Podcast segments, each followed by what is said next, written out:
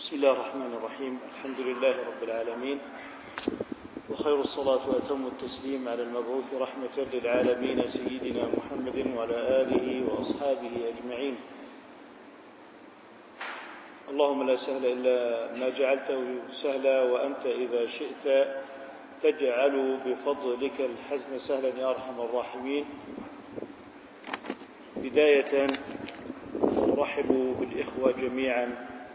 في مستهل هذه الدروس الأسبوعية التي ستعقد كل يوم أحد بإذن الله تعالى بعد صلاة المغرب. وهذه الدروس ليست في الوعظ والإرشاد إنما هي في كيفية فهم الإسلام وتلقي الدين. فالحمد لله رب العالمين أن الإرشاد متيسر وكثير والوعظ كثير ولكن أيضا التخبط كثير التخبط كثير. واحيانا يعني في الفضاء الإلكتروني نشهد كثيرا من الأقوال في الدين والفتاوى بعضها غريب بعضها مدهش وبعضها يعني يشكك المسلم في بعض ثوابته. حديثنا اليوم سيدور حول تعدد الاجتهاد. تعدد الاجتهاد في فهم هذه الشريعة. كثيرا ما نسمع فتاوى متعددة ثم يسأل سائل ما هو القول الراجح في هذه المسألة؟ ما هو الشيء الذي يرضي الله سبحانه وتعالى في هذه المسألة؟ يعني كثر الاختلاف كثر الاختلاف. في الحقيقة بدلا من أن أتحدث في التجريد بمعنى أن أتحدث في الفكر النظري آثرت أن آتي بنموذج ومثال وبعد هذا النموذج والمثال نشتق منه المعرفة الدينية في موضوع تعدد الاجتهاد. واخترت هذا في موضوع من صام متنفلا فهل يجب عليه الإتمام؟ فإن لم يتم صومه النافلة فهل يجب عليه القضاء؟ أم أن المتنفل بالصوم إذا شاء أن يفطر فإن له أن يفطر ولا يجب عليه الإتمام. فأحببت أن آتي بهذا النموذج وبهذا المثال لأبين كيف تعددت اجتهادات العلماء واختلفت أنظارهم في هذه المسألة وما القول الراجح في هذا الموضوع. يعني رجل تنفل بصيام ستة من شوال. وأصبح صائما. وإذا به يزور صديقا حميما. فقدم له صديقه الحميم الطعام. وقال له تفضل. فقال إني صائم. فقال أنت صائم متطوع ومتنفل بصومك. فجاز لك أن تفطر. طالما أنه جاز لك ابتداء الصيام تنفلا واستحبابا فإنه يجوز لك أن تقطع هذا الصيام. سيقول له سمعت غير ذلك. سمعت أيضا أن من شرع في الصيام النافلة فإنه يجب عليه أن يتمه. فإذا كان في المجلس ثالث فيقول ما هو القول الراجح؟ ومن هو الذي على صواب؟ ومن المخطئ؟ وباختصار هذا الرجل يكسر صومه فيفطر أم يستمر؟ الآن يعني هنا في هذا الموضوع أحببت أن أبين آه، كيف يتناول المجتهدون هذه المسألة. وكيف ينطلقون من النصوص الشرعية في هذه المسألة؟ بمعنى هل ما يأتي به العلماء ووجهات نظر شخصية؟ يعني هل هو كلامهم؟ فيجوز لنا إذا كان كلامهم هو كلام الناس يجوز لنا أن نترك كلام الناس. أم هو مقدس ودين وتحرم مخالفته؟ أم هو شيء ثالث؟ نحتاج أن نعرف ذلك. حتى نفك الاضطراب والشحناء وغلواء الفرقة بين المسلمين بسبب سوء الفهم لهذا التعدد في الاجتهاد عند العلماء. فمثلا ذهب السادة الشافعية والحنابلة مدارس فقهية عندنا في عند أهل السنة أربع مدارس فقهية. حسب الترتيب التاريخي الحنفية المالكية الشافعية الحنابلة. هذه أربع مدارس. هذه الأربعة مدارس غطت رقعة العالم الإسلامي جميعه عبر التاريخ. يعني أنت لا تتعامل مع مفتي فرد وحده أو شيخ ربما يعني يفوته الكثير. أنت تتعامل مع مدرسة علمية. فيها مئات المحدثين ومئات اللغويين ومئات الأصوليين وآلاف بل عشرات آلاف الفقهاء. فأنت لا تتحدث مع شخص بل أنت تتحدث مع رقعة كبيرة من الأرض فيها آلاف العلماء هم على هذا الاجتهاد. يعني عندما نقول الحنابلة والشافعية أنت لا تتحدث عن مدينة أو قرية أو بلد أنت تتحدث عن أمة كبيرة جدا من المسلمين. كيف نفقه ونفهم عن هذه الأمة. السادة الشافعية والحنابلة مدرستان من مدارس أهل السنة والجماعة في الفقه. قالوا إن هذا الضيف له أن يفطر ولا يجب عليه القضاء. والسادة المالكية والحنفية وكلهم أئمة السلف قالوا بل يجب عليه أن يتم ولا يقطع صومه إلا لعذر. فإن أفطر لغير عذر فإنما يجب عليه أن يقضي ذلك اليوم الذي تنفل به ابتداء ثم قطع صومه. هل هذا كلام الناس؟ لنستمع إلى أدلة هؤلاء العلماء ونعرف كيف هؤلاء العلماء يتناولون هذه الأدلة. فعن أبي جحيفة رضي الله تعالى عنه عن النبي صلى الله عليه وسلم في سنن الترمذي قوله عليه الصلاة والسلام الصائم المتطوع أمير نفسه إن شاء صام وإن شاء أفطر. إن شاء صام وإن شاء أفطر. وحديث آخر أيضا عن أبي الدرداء رضي الله تعالى عنه في صحيح آه، مسلم. فأبو الدرداء رضي الله تعالى عنه كان معروفا بإيه؟ بالعبادة والزهد. فزاره سلمان رضي الله تعالى عنه فوجده يطيل قيام الليل ويصوم النهار.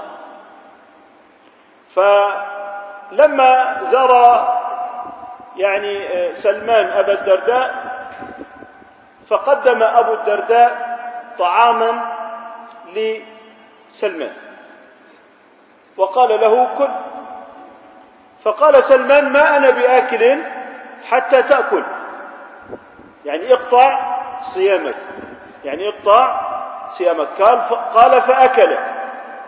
هو أبو الدرداء. فقال له سلمان إن لربك عليك حقا ولنفسك عليك حقا ولأهلك عليك حقا فأعط كل ذي حق حقه. فأتى النبي صلى الله عليه وسلم فذكر له ذلك فقال النبي صلى الله عليه وسلم صدق سلمان. صدق سلمان. حديث صحيح. إذا الرسول صلى الله عليه وسلم بلغه أن أبا الدرداء قطع صيامه ولم يأمره بالقضاء وقال صدق سلمان يعني أصاب. إذا لم يكن هناك عذر مرض سفر يعني أجاز لي آه، أبي الدرداء أن يفطر. والحديث الثالث لمذهب السادة الشافعية والحنابلة عن عائشة أم المؤمنين رضي الله تعالى عنها قالت دخل علي النبي صلى الله عليه وسلم فقال هل عندكم شيء؟ فقلنا لا. يعني شيء يؤكل من الطعام. قال فإني صائم. ثم أتانا يوما آخر. يعني جاء النبي صلى الله عليه وسلم في يوم آخر. فقلنا يا رسول الله أهدي لنا حيس. حيس هو طعام من تمر وأقط من طعامهم في ذلك الحين ويتخذ من السمن يعني مجموع السمن والأقط والتمر. فلقد أصبحت صائما فأكل. إذا في عندنا ثلاثة أدلة واضحة تقول إن رسول الله صلى الله عليه وسلم قد أذن للمتنفل بالصوم أن يفطر. وهذا واضح. وهذا دليل مذهب السادة الشافعية والحنابلة. طيب. الآن سنستمع إلى أدلة الموجب الموجبين للإتمام. يعني يجب أن تتم. ولاحظ أدلة الموجبين. نحن عندما استمعنا أدلة المجيزين للإفطار قلنا هذه أدلة لا يمكن أن تخالف. أدلة واضحة بينة في أن الصائم متطوع وإن شاء صام وإن شاء أفطر وهو مخير. لاحظوا قد استقر هذا في قناعاتنا وفي نفوسنا تماما. أدلة الموجبين وهم السادة الحنفية والسادة؟ المالكية. قال تعالى يا أيها الذين آمنوا أطيعوا الله وأطيعوا الرسول ولا تبطلوا أعمالكم. ولا تبطلوا أعمالكم. يعني أنت ابتدأت في صلاة بصير في الركعة الثانية تروح وتتركها؟ تقول خلص ما هي نافلة ولا بتتمها؟ تتمها. إذا تكملها. لا تبطلوا أعمالكم. طيب من ابتدأ الصوم أيضا عليه أن يتمه كما يتم الصلاة لأن الله يقول إيه؟ لا تبطلوا أعمالكم. طيب إذا نهى ربنا سبحانه وتعالى عن إبطال العمل. وأيضا قال سبحانه وتعالى في الصيام ثم أتموا الصيام إلى الليل. هل فرق بين الفرض والنافلة؟ قال ثم أتموا الصيام إلى الليل. يعني سواء كنت يعني صائما صوم فرض أو نافلة عليك أن تتم صومك إلى الليل. طيب هذه أدلة من القرآن. أدلة من السنة عن البخاري رضي الله تعالى عنه عن طلحة بن عبيد الله. يقول جاء رجل إلى رسول الله صلى الله عليه وسلم من أهل نجد ثائر الرأس يعني علامات البادية وجفاء البادية وعدم المعرفة والحاجة إلى التعلم. قال يسمع دوي صوته ولا يفقه ما يقول. يتكلم بلهجة لا نعرفها. يعني نأخذ قليلا من كلامه هذا حديث في صحيح البخاري. فإذا هو يسأل النبي صلى الله عليه وسلم عن الإسلام فقال رسول الله صلى الله عليه وسلم بعد أن بين له الصلاة وفرائض الإسلام ووصل عليه الصلاة والسلام إلى إيه؟ قال من فرائض الإسلام. النبي صلى الله عليه وسلم التي يبينها قال وصيام رمضان. قال وصيام رمضان. قال هل علي غيره؟ قال عليه الصلاة والسلام لا إلا أن تتطوع قال يعني هل يجب صوم غير صيام رمضان؟ ماذا قال له النبي صلى الله عليه وسلم؟ لا إلا أن تتطوع فيجب. هكذا يصبح معنى العبارة. فإذا تطوعت فإنه يصبح واجبا والواجب يقضى لأنه لزم فيه في الذمة. طيب ممكن نقول لهم طيب أنتم الآن أتيتم بأدلة وخيل إلينا أن أدلة الفريق الثاني هي الأقوى. خيل إلينا أن أدلة الفريق الثاني هي الأقوى. ماذا تقولون في قول النبي صلى الله عليه وسلم؟ الصائم المتطوع أمير نفسه إن شاء صام وإن شاء أفطر. قال كلام النبي صلى الله عليه وسلم صحيح وعلى رأسنا من فوق. طيب لماذا أنتم تمنعونه من أن يقطع صومه ليأكل عند صديقه؟ قالوا حديث النبي صلى الله عليه وسلم ليس لكم فيه دليل. كيف؟ قال المتطوع أمير نفسه إن شاء إيه؟ صام ما هي إن للاستقبال يعني إن شاء ابتدأ الصوم. إن شاء أن يبتدئ الصوم فإنه يبتدئه. لأنه إن شاء لسه ما دخلنا في الصيام. يعني هذا قبل ابتداء الصيام. إن شاء يعني لما تقول واحد إذا بدك تزورني بدأت الزيارة ولا لسه ما بدأت؟ ما بدأت. أقول لك إن شاء صام وإن شاء أفطر. إذا هذه أدلة كل فريق. إنه إحنا سمعنا أدلة الفريقين. هذا هو السؤال. هذا هو السؤال. طيب. قبل ما نصل إلى كلمة ما هو الأرجح هناك بعض النقاط على الطريق لابد أن نمر بها. وهو ما معنى أن المسألة اجتهادية؟ يعني هل فرائض الصلوات الخمس فيها خلاف؟ حرمة الخمر والمخدرات؟ الطلاق ثلاثا اختلفوا فيه خمسة ولا سبعة؟ واضح؟ ما في. إذا في مسائل إجماعية الحدود ثابتة بإجماعات. واضح؟ حرم المحرمات من النكاح الأم والأخوات والعمات والخالات. والبنات الفروع والوصول من النساء كلهن إيه؟ حرام. هل من العلماء من يجتهد في مثل هكذا مسائل؟ لا يجتهدون في الإجماعات أبدا لأنها ليست محل اجتهاد لأنها مقطوع بها. في عندنا خلاف في فرضية صوم رمضان؟ في عندنا خلاف في فرضية قضاء رمضان؟ واضح؟ إذا لما تكون المسألة إجماعية مقطوع بها لا محل للاجتهاد فيها. الحجاب فرض. لا محل للاجتهاد فيه. ليس محل للاجتهاد. لا يعني أن الناس أصبحوا يقولون أقوالا منكرة في الحجاب أن الحجاب أصبح محل شك. الحجاب فريضة شرعية على المرأة برضو على الرجل فيه لباس شرعي. يعني ما بصير برضو الرجل يطلع في الشارع بالقصير وما إلى ذلك اللي هو تظهر عورته. ما هو برضو الرجل له لباس شرعي.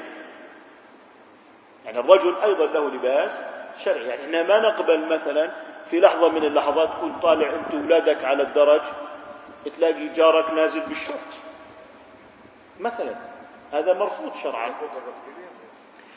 يعني فيما هو أليق آه ما هو أليق بالرجل أن يكون يعني أمام الناس بلباس اللائق. آه.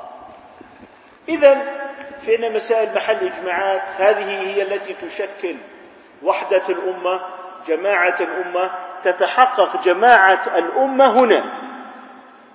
إنه إحنا اتفقنا على تحريم الرشوة، تحريم السرقة، عقوبة من يتعاطى المحرمات، المأكولات المحرمة، المحرمات من النساء، هذه هي التي تشكل جماعة المسلمين.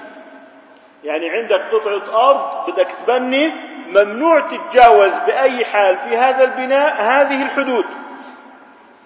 اذا الإجماعات تحدد هوية الأمة. إذا ضيعنا الإجماعات معناته إحنا لم نعد أمة ومن الإجماعات أن هذه أمة واحدة لا تتمايز كل المسلمين سواء عند الله هكذا الحكم هكذا الشرع وإن هذه أمتكم أمة واحدة وأنا ربكم فاعبدون هذه جزء من عقيدتنا وديننا. المسلمون أمة واحدة وليسوا شيعا وأحزابا. إن الذين فرقوا دينهم وكانوا شيعا لست منهم في شيء. يعني الناس التفرق في الدين إذا هذا بده يأخذ مذهب خاص يعيش فيه وفي زاوية المسجد وهذول الناس مبتدعة وفساق وهذول ضلوا عن سواء السبيل وأنا لحالي قاعد على الكرسي على جنب هذا ليس من الدين.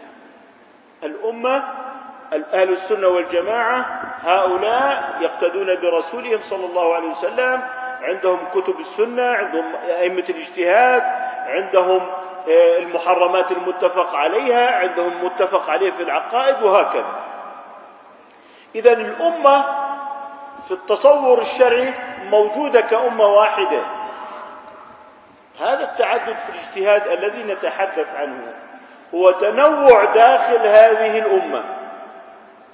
يعني الله سبحانه وتعالى لم يخلقنا بميول واحدة. الخلق الإلهي متعدد ومتنوع. في ناس بيقولوا الخلق الإلهي متنوع متعدد ومن التعددية شرب الخمر والفجور وأكل الربا. لا هذا تعدد مذموم. يعني لا يعني إنه في تعدد في الشرع اذا كل تعدد محمود. ما خالف الأدلة الشرعية فهذا مثل الربا. واحد يقول لا هذا الربا ليس حراما. يقول له لا هذا مخالف لما عليه الأمة. هذا شذوذ. واضح؟ إذا في حاجة للبشر للتعدد لذلك جاء في الشريعة ما يلبي حاجة هذا الإنسان إلى هذا التعدد. يعني إحنا مثلا في المطر في عندنا جمع بين الظهر والعصر في في في المذهب الشافعي. لكن في المذهب الحنفي والمالكي والحنابلة ما فيش عندهم جمع بالنهار. تلاقي كل الناس بيحبوا يجوا يصلوا الظهر والعصر لسه مطول المطر. الحين خلينا بالحر. آه. فالظهر والعصر كل الناس بيحبوا إنه يأخذوا بمذهب الإمام الشافعي ليجمعوا في المطر ونزول الثلج. ليه؟ فبيرون في مذهب الإمام الشافعي رخصة وفسحة. وهذا لا يعني أننا نخطئ المذاهب الأخرى وأنها قد ضلت عن سواء السبيل. إذا هذا أعطانا إيه؟ تعدد. آه والله صدقة الفطر نخرجها قيمة نقدية ولا لازم أعيان أرز وشعير؟ آه في عندنا الحمد لله مدرسة رابعة فيها من السهولة واليسر مدرسة الإمام أبي حنيفة وهي لها أيضا امتداد كبير في السلف والصحابة لأنه مدرسة الإمام أبي حنيفة هي مدرسة الإمام علي بن أبي طالب لأنه هو إمام أهل الكوفة وابن مسعود أيضا وهذا الفقيه الكبير المجتهد الكبير ابن مسعود الذي كان يقول عنه عمر رضي الله تعالى عنه كنيف ملئ علما عن ابن مسعود. فلذلك هذه مدرسة أبي حنيفة وأجازوا القيمة النقدية. وهناك من العلماء من ألزموا به بالإخراج أعيان سواء أرز أو شعير سواء وردت في الحديث أو لا. أجا إنسان قال والله أنا بدي أخرجها قيمة نقدية. قل له جزاك الله خير بارك الله فيك. واحد قال أنا بدي أخرجها مثلا أعيان شعير أو قمح. قل له بارك الله فيك. وين المشكلة؟ إنه إذا صار نزاع. واحد يقول هذا الذي يخرج القيمة النقدية لا تجزئه عليه إخراجها مرة أخرى.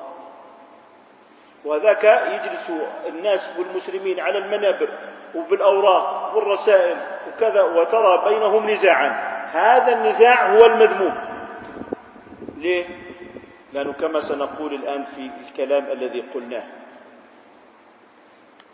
المسألة الاجتهادية ما معناها؟ هي تلك المسألة الذي ظهر للشارع فيها قصد بالنفي وقصد بالإثبات. كيف؟ في المثال الذي ضربناه. ظهر قصد للشارع بأن المتنفل بالصوم يقضي وهناك أدلة أليس كذلك؟ وظهر أيضا قصد للشارع في بعض الأدلة أنه لا يقضي.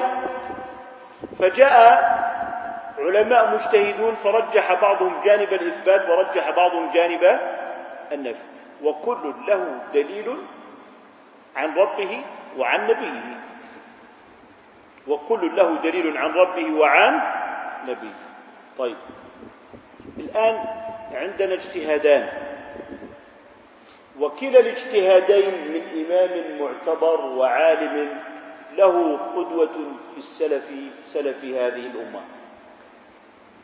الآن نحن نريد أن نقول من هو المصيب؟ وما هو القول الراجح؟ طيب.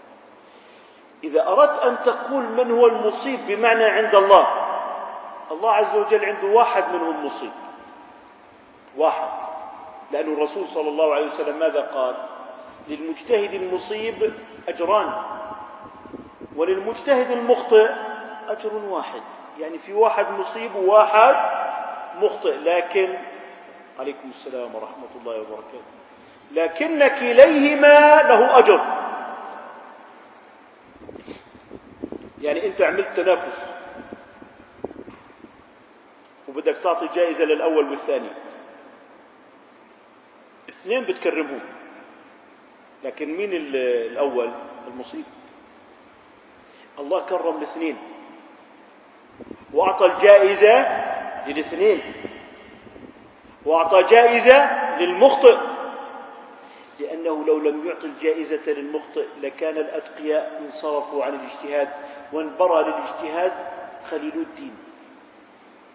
فقال للمجتهدين الأتقياء إذا أخطأتم لكم أجر.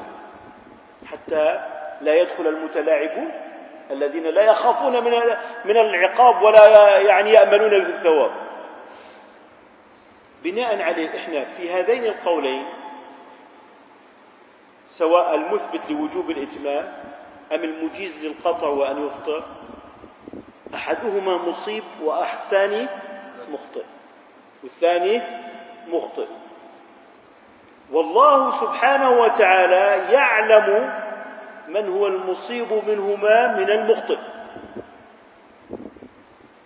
لكننا نحن في هذه الدنيا لا نعلم المصيب من المخطئ على وجه التعيين.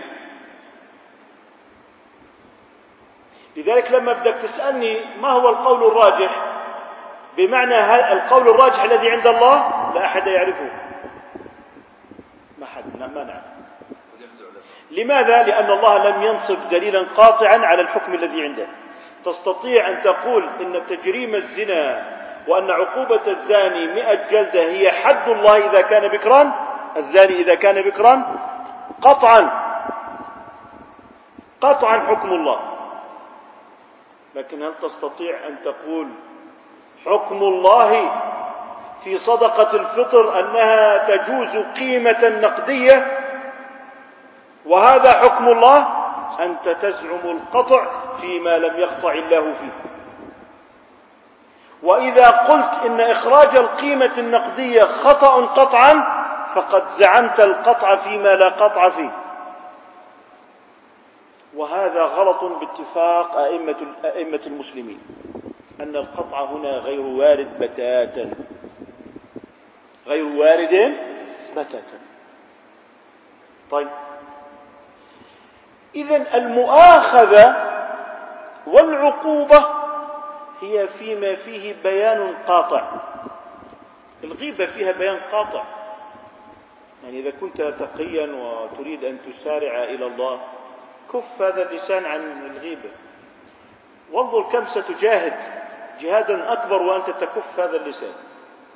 يعني القضية قضيتك مش قضية صدقة الفطر نقدا أم قيمة وليست قضية أنه نتم الصوم أم نقطع الصوم القضية الكبيرة انتبه إلى أمر أعظم وهو الكف عن الحرام المتفق على تحريمه. المتفق على تحريمه لأنه حكم الله قطعا. أما ما كان حكم الله تعالى ظنا فهذا لا مؤاخذة فيه أصلا. يعني أفطرت وأكلت عند صديقك وشبعت أنت مأجور لأنك متبع لأدلة شرعية وأنت متبع لعلماء معتبرين ومجتهدين أقاموا أدلة من شرع الله تعالى على هذا. فإذا أفطرت أنت مأجور يا سيدي. طب وإذا ما أفطرت وكملت أنت مأجور. أنت مأجور ومثاب. إذا أنت تتقلب في النعمة. فلما هذه الغوغاء وهذه الضجة؟ جمعت في المطر أنت مأجور؟ حبيت أنك أنت ما تجمع وتيجي على صلاة العصر؟ تتسلل لواذا هكذا يعني شيء خفيف للمسجد وما تشوش على الناس اللي بيجمعوا لأنهم متبعون لأدلة وعلم. واضح؟ والله أنت الآن في قضايا تعددت فيها اجتهادات العلماء وأنظارهم أنت في سعة من الله. لكن في الربا في الغش التجاري اللي مضيعنا في الإساءة إلى الجار في قطع الأرحام في عقوق الوالدين.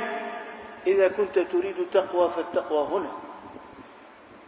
إذا كنت تريد يعني عملا كبيرا وحيث هو موضع التنافس هنا. أحيانا نسمع يعني هذه الأسئلة في الإعلام يخيل لك أنك في عصر الصحابة من هذه الأسئلة.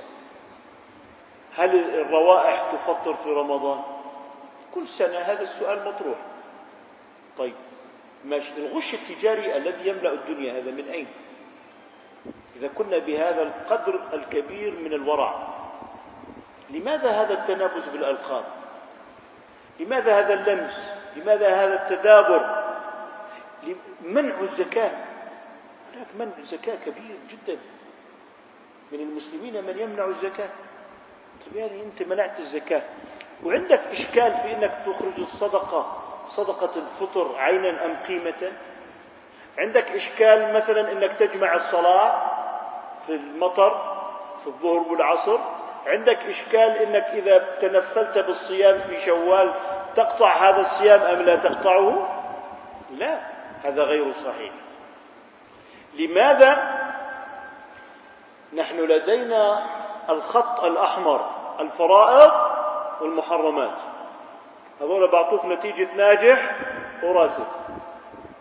النوافل ميدان تنافس يعني بتطلع يعني المحرمات والفرائض هذول مشان تطلع من خمسين مشان تدخل على الخمسين. بعدين بيبدأ نحسب النوافل يعني ولد راسب بعلامة واحدة جايب تسعة وأربعين من خمسين. ما بدخل في ترتيب الصف. حتى لو كان معدله خمسة وثمانين.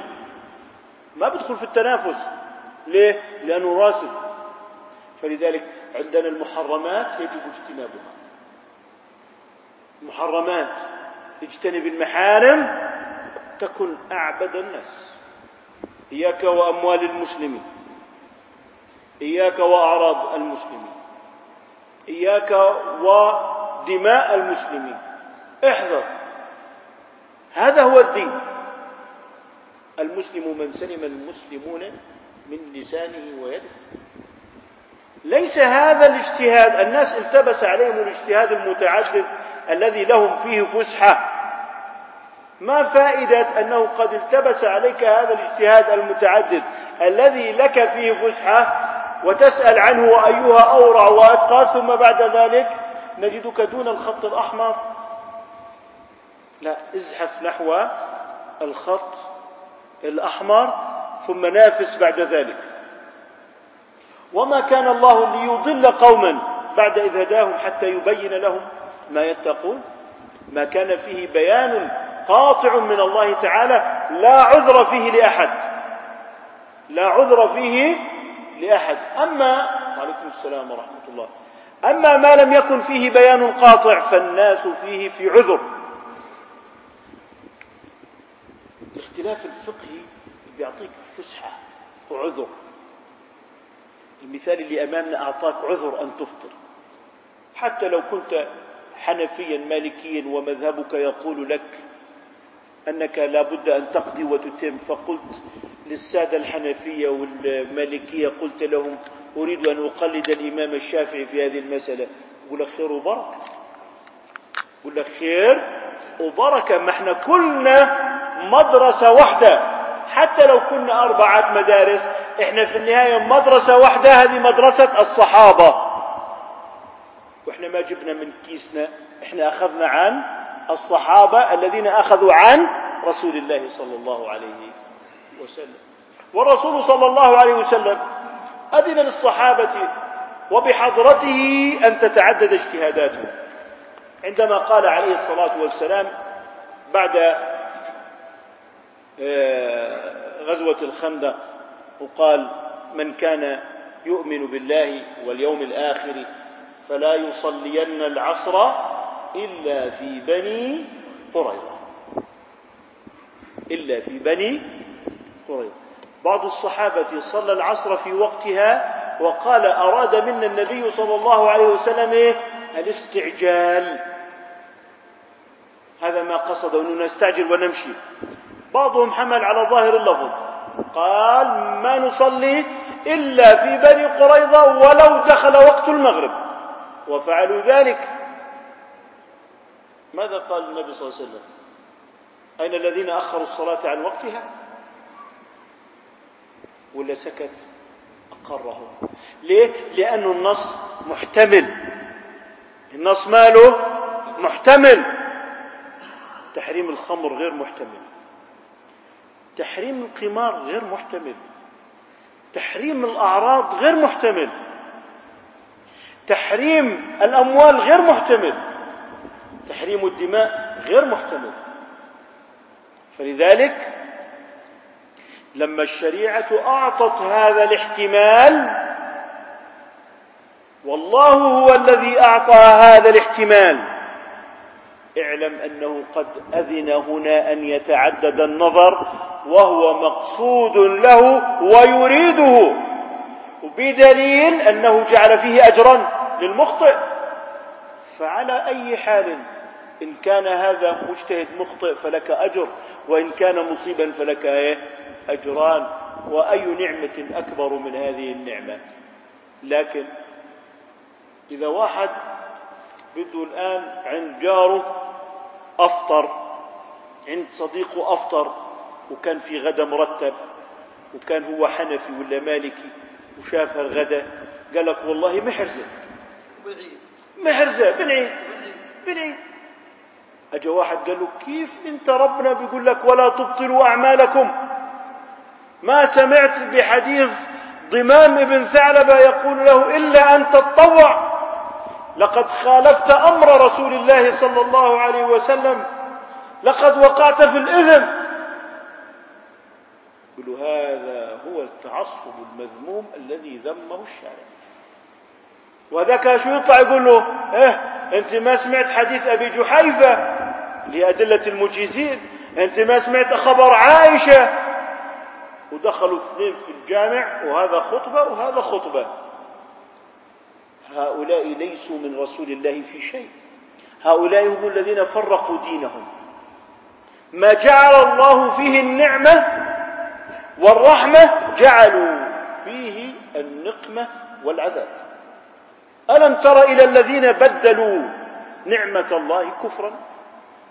وأحلوا قومهم دار البوار؟ تصور لو أن المسجد سيعصف بالذين يجمعون في المطر والذين لا يجمعون. وإذا جانا رمضان هاي بتفطر وهاي ما بتفطر. وإذا وصلنا إلى عيد الفطر قيمة نقدا ولا عينا ولا أرز. وإذا هذاك بيخطب في المنبر وبيقول للمسلمين من أخرجها قيمة فليعد إخراجها شعيرا. وذاك بيقول من أخرجها شعيرا دمرت الفقير وعبيته بيته شعير هو بده شعير ولا بده ملابس؟ هذا هو التفرق في الدين. أذن الله في هذا. تختار هذا ولا تختار هذا؟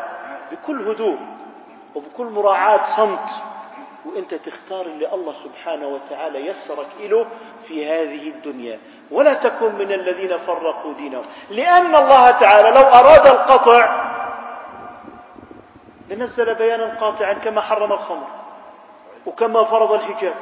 وقال النبي صلى الله عليه وسلم من تنفل بالصوم فعليه أن يقضي ويجب عليه الإتمام نقطة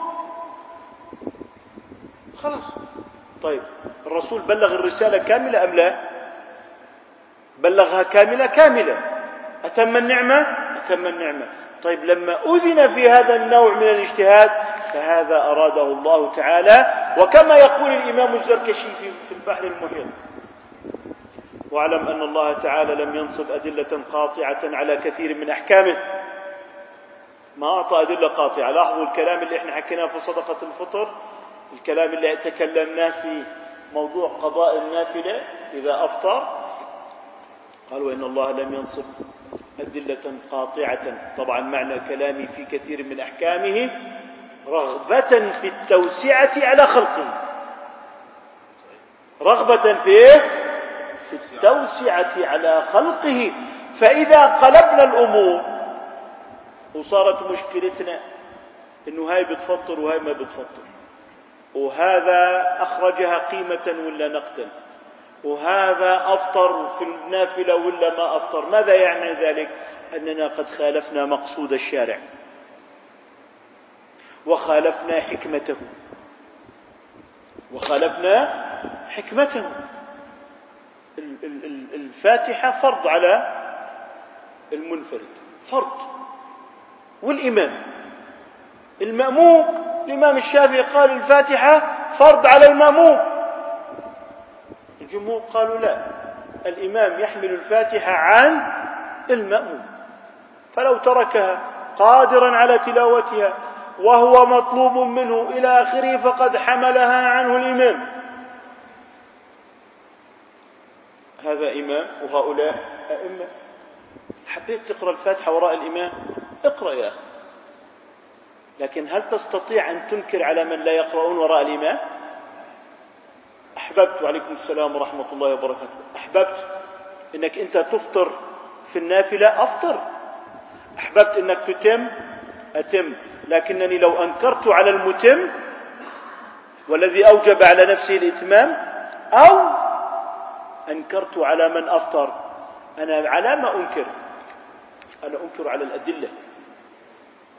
أنا لا أنكر على فلان. يعني لو أنا أنكرت على من أفطر مترخصا في النافلة أنا أنكر على من؟ أنا أنكر على أدلة الشرع الذي التي أذنت. التي أذنت بالفطر في النافلة وهذه أدلة واضحة. إذا أنا ما بنكر على هذا. وفلان وفلان وفلان. أنا أنكر على أدلته. ما حكم الإنكار على أدلة الشرع؟ إنكار على الشرع. وهذا مما حذر عليه عنه النبي حذر منه النبي صلى الله عليه وسلم عندما يرى الناس في آخر الزمان المعروف منكرا والمنكر معروفا. ليست القضية مقتصرة على قضية الحجاب أو قضية لا هذه أدلة الشرع معروفة. إذا أنكرت على أدلة المانعين فقد أنكرت على أدلتهم وأدلتهم شرعية. وإذا أنكرت على المجيزين فقد أنكرت على أدلتهم وهي إيه؟ أدلة شرعية. السؤال اللي بدنا نجاوب عليه أليس هذا تناقض في الشرع؟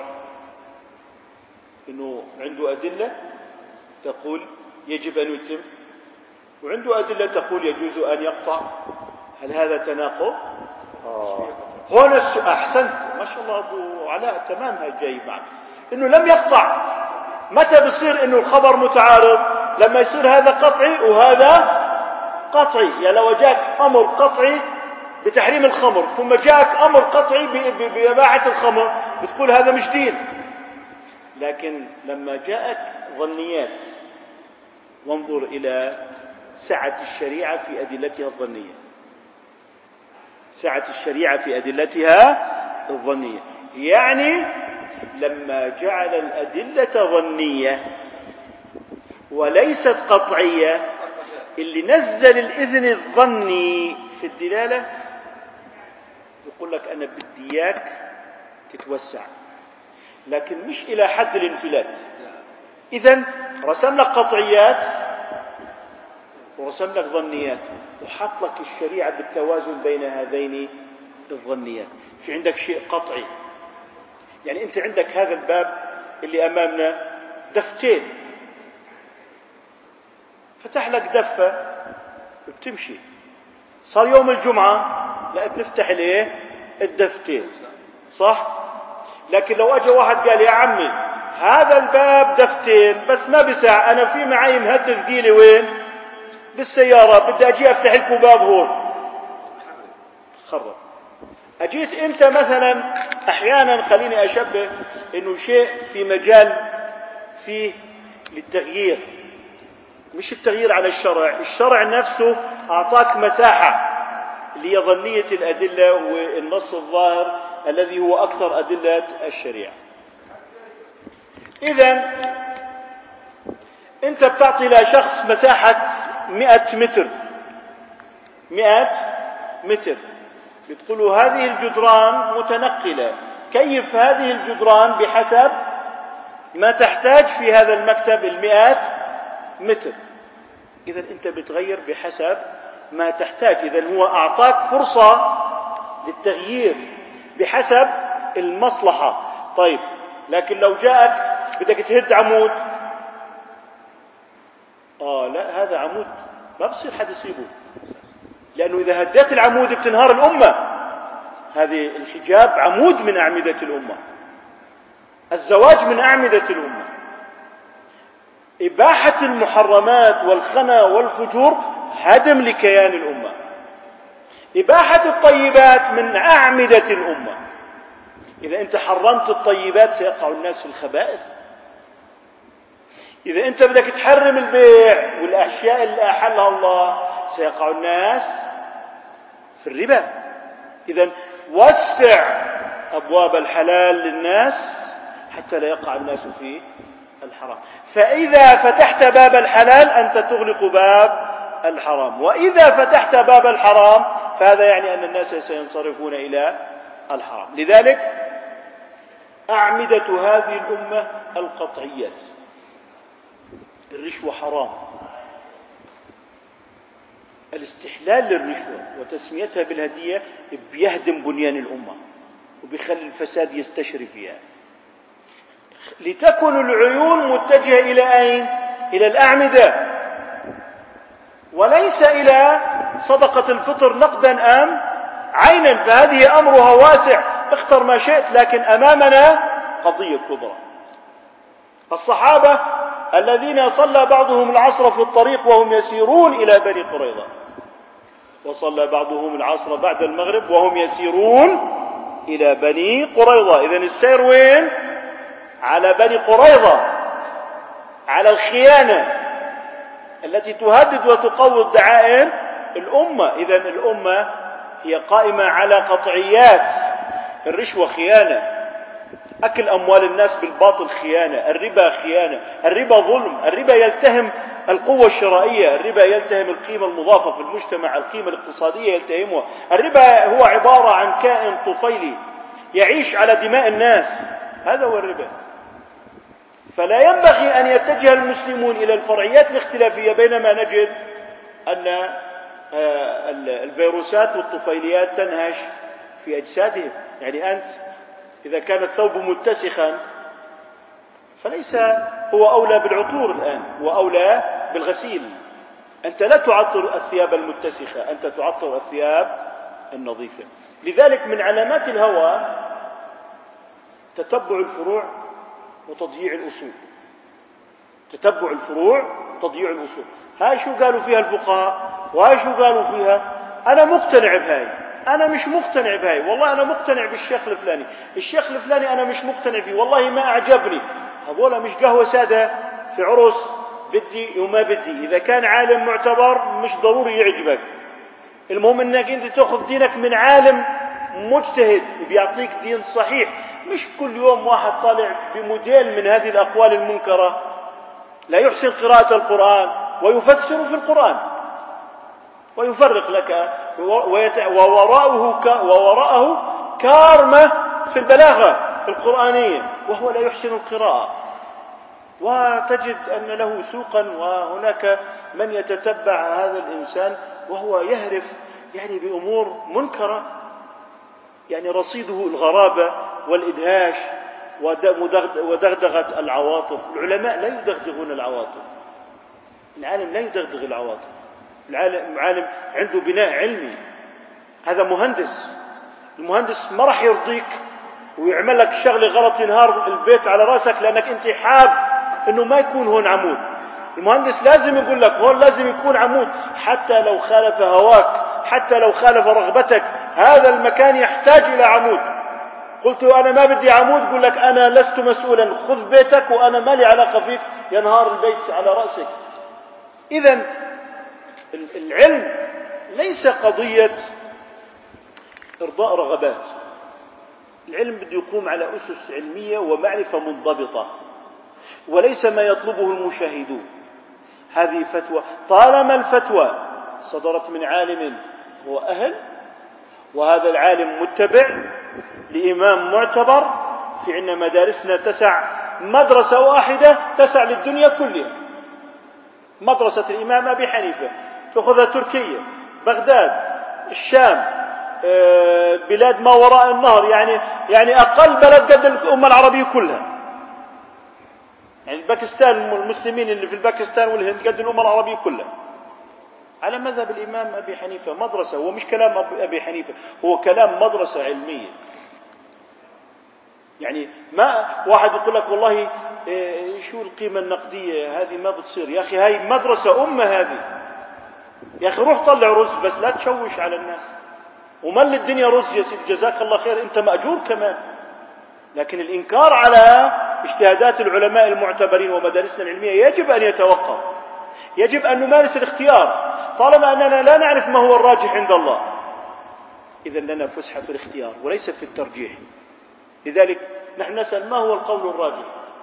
على قول الشافعية والحنابلة في موضوع اللي هو الفطر في النافلة قولهم هو الراجح.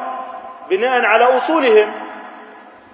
طيب وبناء على أصول الحنفية والمالكية قولهم هو الراجح أما الترجيح المطلق عند الله لا نعلمه. لو سألتني ما هو القول الراجح في هذه المسألة التي طرحناها اليوم؟ أقول لك على أصول الشافعية والحنابلة قولهم راجح. طيب على أصول الحنفية والمالكية قولهم راجح. إذا أنا ما أعطيتك جواب نهائي. أما العلم فهو عند ربي. يوم القيامة الله يعظم العلماء الراسخين في العلم ويأجرهم ويعطيهم الأجر والأجرين ونحن في حال الاتباع وفي حال أنه نعي إلى أن هذه مدارس علمية قامت على كتاب الله وسنة رسوله صلى الله عليه وسلم. ادخل أيهما الموافق للكتاب والسنة؟ بقول لك شفتني أنا جبت من كليلة ودمنة قبل شوي. سمعتوني قلت أنا قال ابن المقفع ولا قال الله وقال رسوله؟ قال الله وقال رسوله. لذلك الكتاب والسنة ليس مذهبا لأحد. الكتاب والسنة هما دين المسلمين. تقول لي ما هو الموافق للكتاب والسنة؟ أقول لك حسب ما قلت لك في الراجح هو الموافق للكتاب والسنة. هذا موافق للكتاب والسنة وهذا موافق للكتاب والسنة. لكن هذا موافق للكتاب والسنة في نظر هذا المجتهد وذاك موافق للكتاب والسنة في نظر ذلك المجتهد إذا لا أزود عليك أن أقول لك أنا مع الكتاب والسنة. أقول لك والله إذا أنا قلت لك بوجوب الإتمام قلت لك أنا مع الكتاب والسنة. تقول لي والأحاديث اللي سردناها عن أبي جحيفة وحديث سلمان وأبي الدرداء هذول من وين هذول؟ كتاب وسنة. كتاب وسنة. إذا لابد أن نبقى في مستوى التفكير. نحن المسلمين اليوم في القضايا الفرعية. لقد أذن الله تعالى لنا بأن يكون عندنا مدارس علمية تلبي حاجتنا للاختيار. أنت تقول ما هو القول المختار لي؟ يأتي العالم فيختار للناس ما هو أصلح.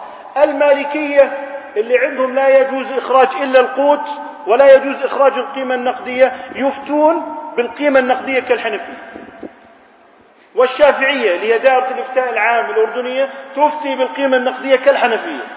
لماذا؟ هم اختاروا ما هو يرونه أصلح لكن لا أحد يجبرك على هذا. لا أحد يجبرك ولا أحد يلزمك. إذا الخلاصة. أظن أن المقصد من هذه الرسالة قد وصل. وهذا النموذج الذي ضربناه إنما هو لتمثيل أن هذه الأمة لم تترك كلمة من كلام ربها ولا كلمة من كلام نبيها لاحظ أن الأمة في مجموعها قد عملت بجميع الأدلة أليس كذلك؟ ألم يعملوا بأدلة إيجاب جواز الإفطار والقطع؟ ألم يعملوا بأدلة وجوب الإتمام والقضاء معا؟ إذا في مجموع الأمة لم تغادر حرفا واحدا من كتاب الله. وهذه الأمة مرحومة وهي خير الأمم. ما كان لها أن تفعل كما فعلت بنو إسرائيل. أن تؤمن ببعض الكتاب وأن تكفر ببعض الكتاب. لقد آمنت بكل الكتاب وبكل ما جاءها عن نبيها محمد صلى الله عليه وسلم. والأمة في مجموعها متبعة لكتاب ربها وسنة نبيها. وهذا دينها والشريعة لا تظهر. الشريعة لا تظهر في مذهب واحد ولا في مذهبين. الشريعة تظهر في المدارس الأربع مجتمعة. لذلك لو قلت لي إن المدرسة الحنفية التي ذكرتها من تركيا إلى باكستان والهند وبغداد وإلى آه، بلاد آسيا الوسطى وآسيا الصغرى نقول لك هذه كلها تمثل جزءا من الشريعة. لكنك إذا جمعتهم جميعا تحققت الشريعة في الأمة كلها. مثل لابد أن يكون في القرآن في, في, في, في الأمة من يحفظ القرآن. لابد أن يكون فيها من يكون مفتيا وقاضيا. لكن كل الأمة تصبح مفتين كل الأمة تصبح قضاة؟ كل الأمة تصبح حافظة قرآن؟ هذا متعذر الناس قدرات. فكما أن القرآن لا يتحقق في فرد واحد في إنسان فقير غير قادر على الزكاة كيف تتحقق فيه الزكاة؟ يتحقق فيه الزكاة أنه يأخذها وتتحقق في الغني أنه يعطيها وتتحقق في فلان يجاهد في سبيل الله وفلان يحج وفلان يزكي وفلان يصلي وفلان قائم بعلم الطب وفلان قائم بعلم الهندسة وفلان قائم بعلم الصيدلة وفلان قائم بعلم الها إلى آخره من كل الفرائض. ما هي هذه فرائض؟ الأمة المرحومة لا تمد يدها للآخرين لتقول لهم أعطوني دوائي. أعطوني دوائي. قل لا نعطيك الدواء حتى تقر بأنه هاي المرة وين ما بدها تروح. تطلع بالشرط تطلع بدون شرط أنت مالكش علاقة. إذا بدك دواء تفضل. هذا لا يصح. قوة الأمة في دنياها يعطيها كمالا في دينها وإلا قد يضيع دينها بسبب ضعفها في دنياها. إذا علينا أن نعتقد ونتمثل أن ثلاث دقائق. طيب الخاتمة لا إنكار في مسائل الاختلاف. هذا التعدد رحمة ورأينا مثالا عليه. ما في واحد يعتقد أنه هو الكتاب والسنة وليست حكرا على أحد هذا دين المسلمين جميعا. الراجح بالمطلق يعلمه الله. ما قدمه أئمة المسلمين هو عبارة في مسائل الاجتهاد مسائل ظنية. لأن الله تعالى أذن في هذا التعدد ولا نتضايق من هذا التعدد. ومن يروج بأن هذا التعدد هو سبب لفرقة المسلمين لم يفقه طبيعة مدارس الاجتهاد وسعة مدارس الاجتهاد وتلبية مدارس الاجتهاد لحاجات هذه الأمة. سبحانك اللهم وبحمدك نشهد أن لا إله إلا أنت نستغفرك ونتوب إليك.